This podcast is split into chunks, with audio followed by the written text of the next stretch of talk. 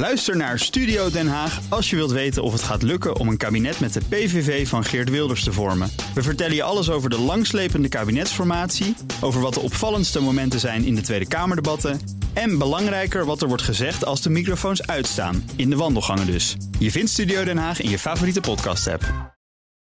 Ondernemerspanel. Steeds meer ondernemers laten een tegengeluid horen tegen de massaconsumptie van Black Friday. En in de kleding van het fast fashion merk Shein is katoen aangetroffen dat wordt gelinkt aan dwangarbeid. Dat en meer bespreek ik in het ondernemerspanel met Marlies Moor, ondernemer, communicatie-expert in de retail, en Hans Mulder van de Via Groep. Welkom.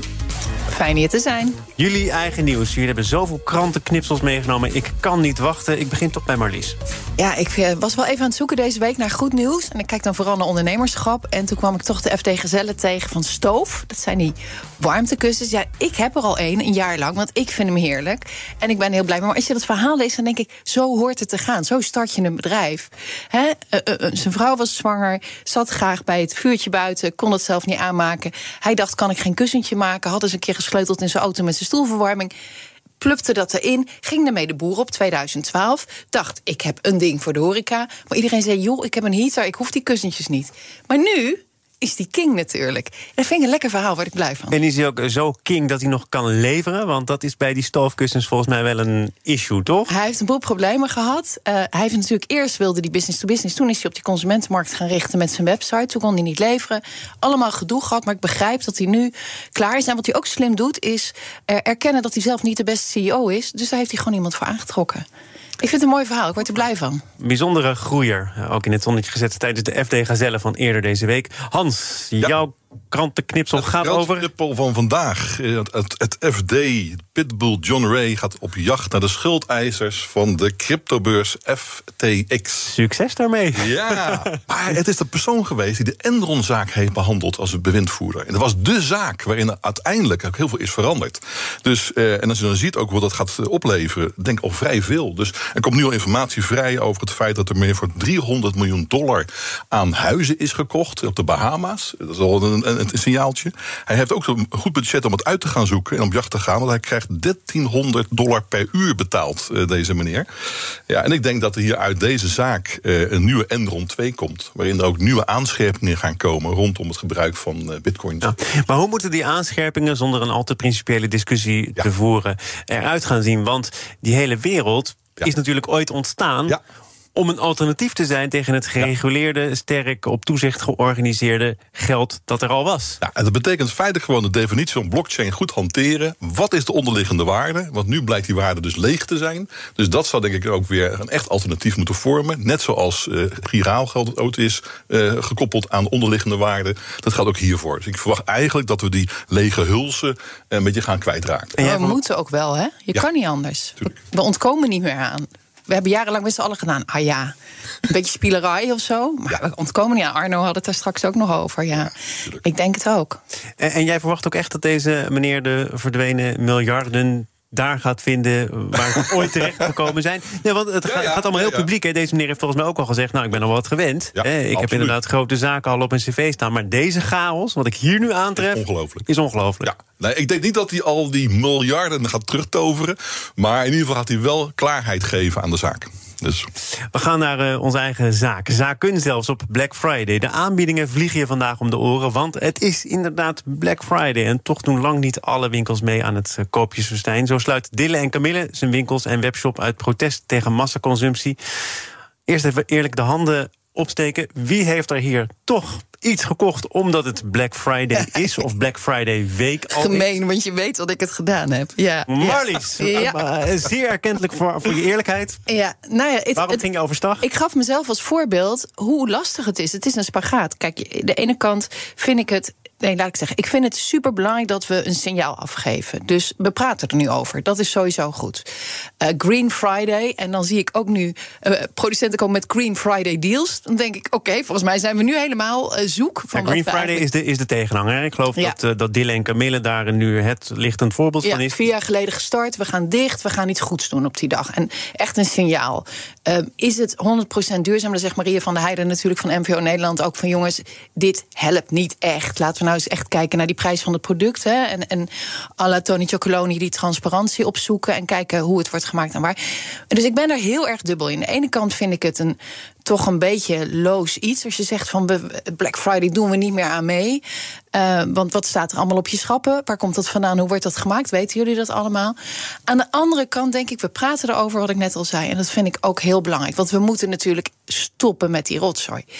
Toen werd, hadden we het er natuurlijk over. Doe jij er zelf mee? Ja, ik wilde een nieuw dekbed en een nieuwe dekbedhoes. Het dekbed heb ik bij Jumeco niet, want eh, daar heb ik gewoon een normale prijs voor betaald. Maar ik ben met hoezen inderdaad gaan kijken of er een aanbieding was. Dus ik ben toch die consument die ook denkt in mijn kosten zijn behoorlijk gestegen. Dit heb ik nodig en waar kan ik dat beste prijskwaliteit vinden? En dat is natuurlijk de andere kant van het verhaal. We staan gigantisch onder druk met die inflatie. En dan zijn aanbiedingen leuk. Alleen hoe koop je nou alleen wat je toch had gekocht? En laat je al die rotzooi liggen. Maar jij had iets heel duidelijk nodig. Ja. Dus jij had een doel. Ja. Uh, en dat had je sowieso al. Het bleek ook godzijdank nog eens Black Friday te zijn. En je kunt het dus voor minder kopen. Ja, en dat zeggen ze, hè? want daar, daar kun je het ook over discussiëren. Of hebben ze eerst die prijs omhoog gegooid en betaal je de helft van? Dat is natuurlijk de vraag. geweldig. Ik kreeg weer een mooie mail in de reclame.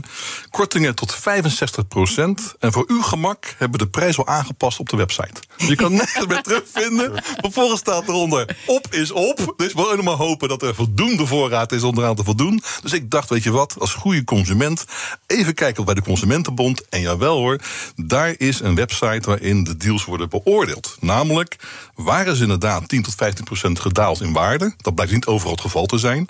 En is de prijs de afgelopen drie maanden niet verhoogd in de betreffende winkels? Ja, en dan wordt het wel heel dun. Dan zijn er wel een paar aanbiedingen. Als je, nou, dat moet je doen. Staat er specifiek iets over dekbedhoezen? Nee, helaas. Jammer. Helaas. Jammer. Thomas, ze liggen al op mijn bed, Thomas. Dus ik kan ze niet meer terugsturen.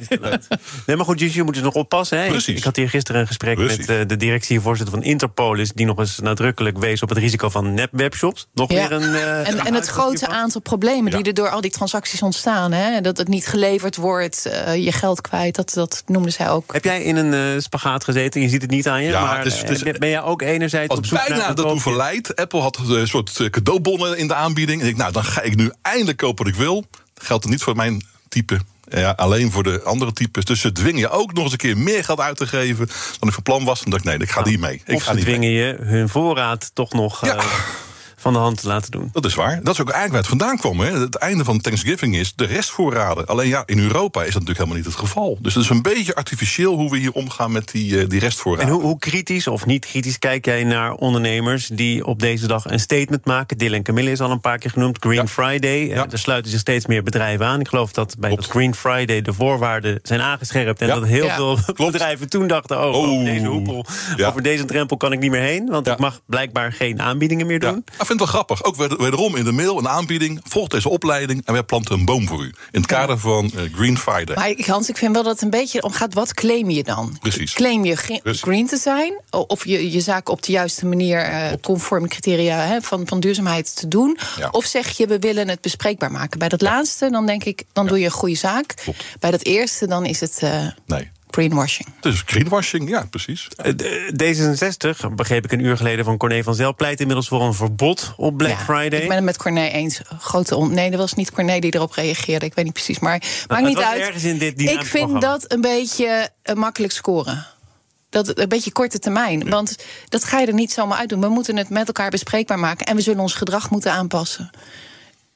Dat is waar. Ik denk dat het wel goed is dat dit vandaag toch weer aan de orde komt. Want ik had nooit eerder gehoord van Green Friday. En alleen al de term doet om nadenken. Ik vind het ook prima trouwens dat mensen van Dylan en Camille vandaag eh, iets anders gaan doen. Die gaan schoffelen, geloof Gaan ik. hè? schoffelen in de natuur. Bomen planten of Ja, iets. Ja. Nou ja, op zichzelf denk ik dat is een, een aardige gedachte, die awareness.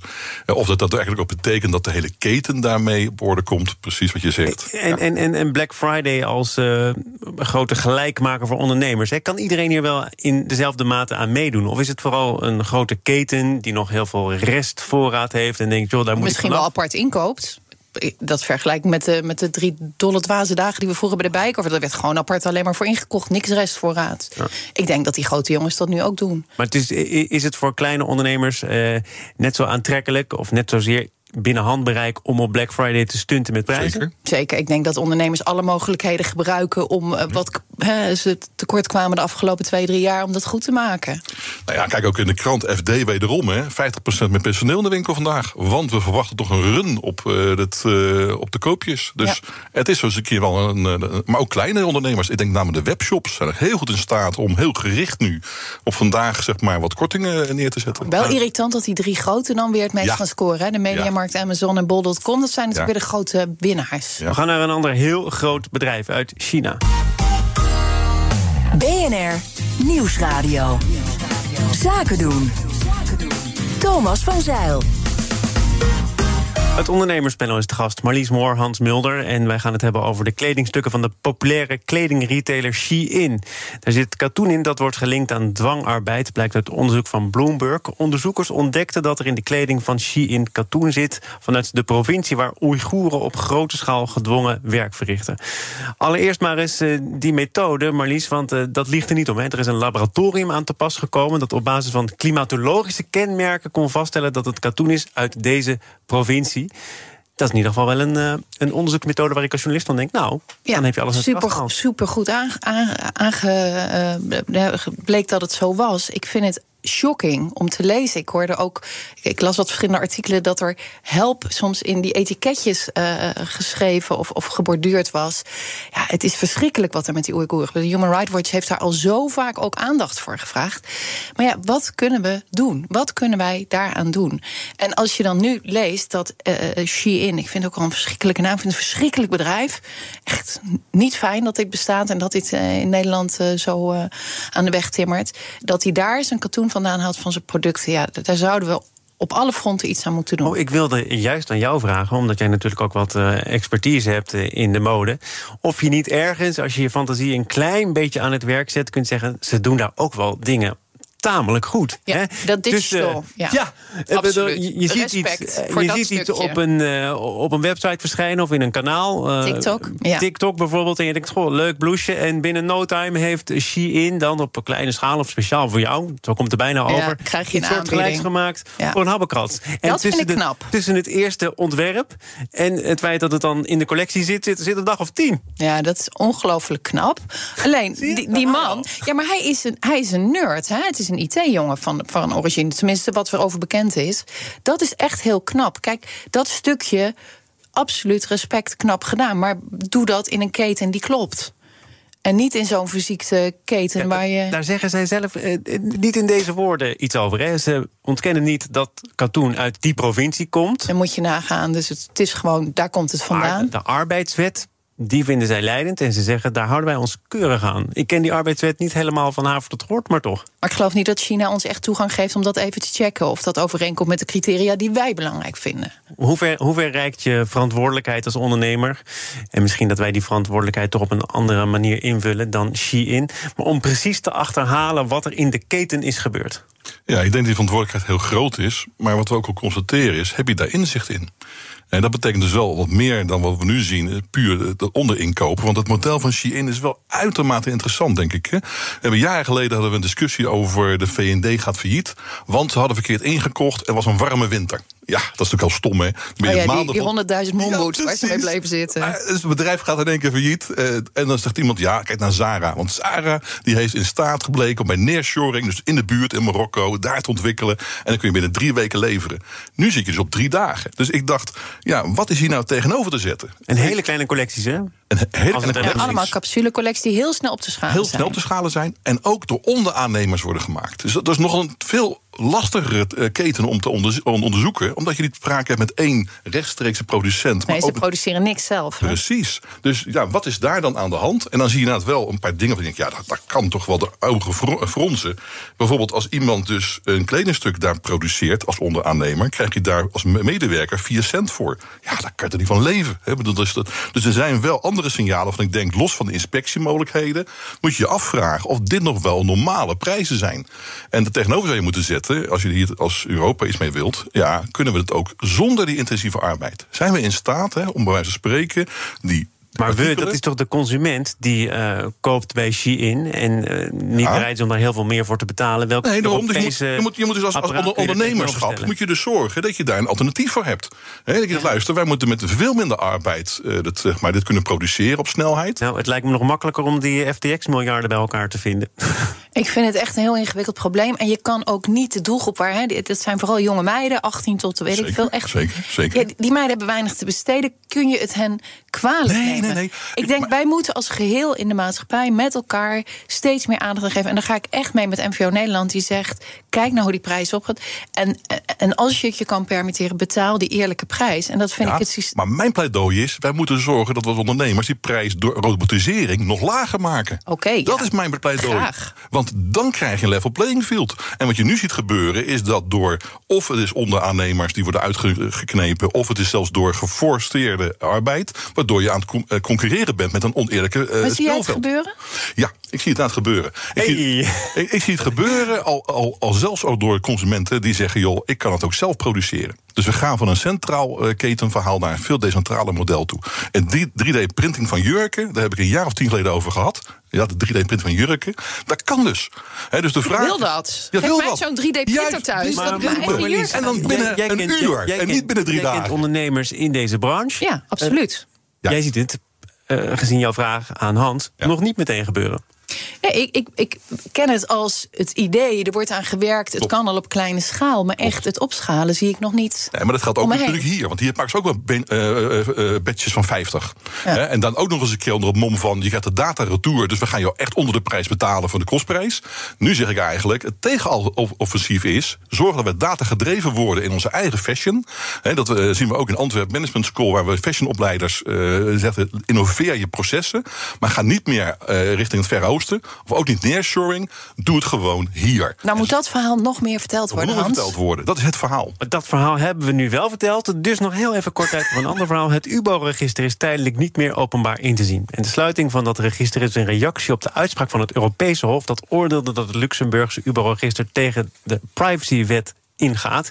Hans heeft net op tijd zijn papieren op orde, maar ik begin bij Marlies. Eh, dat staat voor de Ultimate Beneficial Owners, oftewel de eigenaren of belanghebbenden binnen het bedrijf. Van belang bij het voorkomen van witwassen en illegale geldstromen. Critici zeggen al een paar jaar. Wat is de toegevoegde waarde dan van dat register? Kunnen we dat niet op een andere manier doen? Is het terecht dat het nu in ieder geval voor het publieke deel op slot gaat? Absoluut, ja.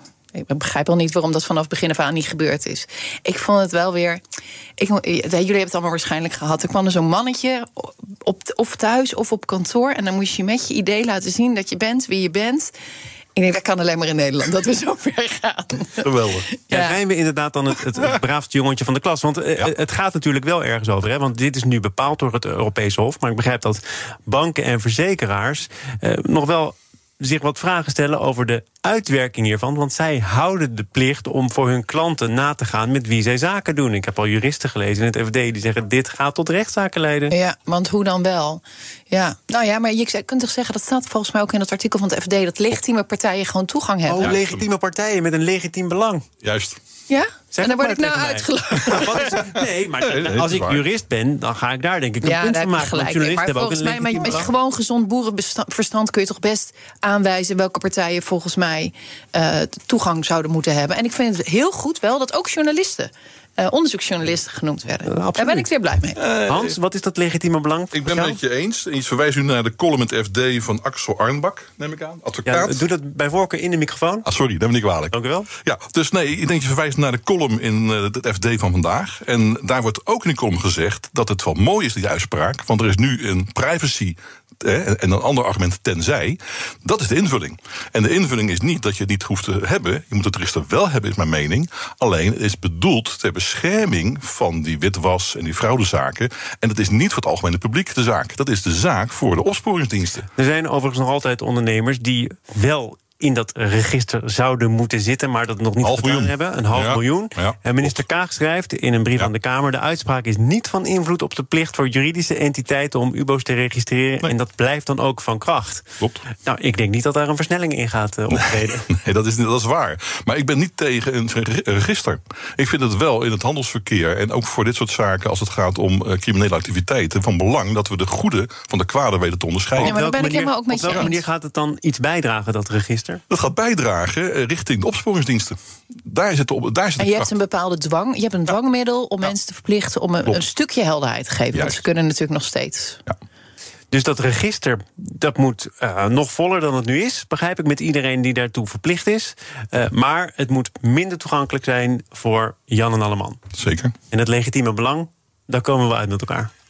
Zolang onderzoeksjournalisten maar mogen meekijken. Nogmaals benadrukt. En gelukkig maar door Marlies Moore, ondernemer, communicatie-expert in de retail. En Hans Mulder, groot voorstander van het verder robotiseren en digitaliseren van de mode-industrie. Ja, ook een belangrijke boodschap. En directeur van de VIA Groep. Dank voor jullie bijdrage aan dit panel. Zometeen wordt er gepitcht in BNR Zaken doen. Blijf luisteren. Ook Diana Matroos vind je in de BNR-app. Ja, inderdaad. Je kunt live naar mij luisteren tijdens de Big Five. Ook handig in de BNR-app. Breaking nieuwsmeldingen, maar ook het allerlaatste zakelijke nieuws.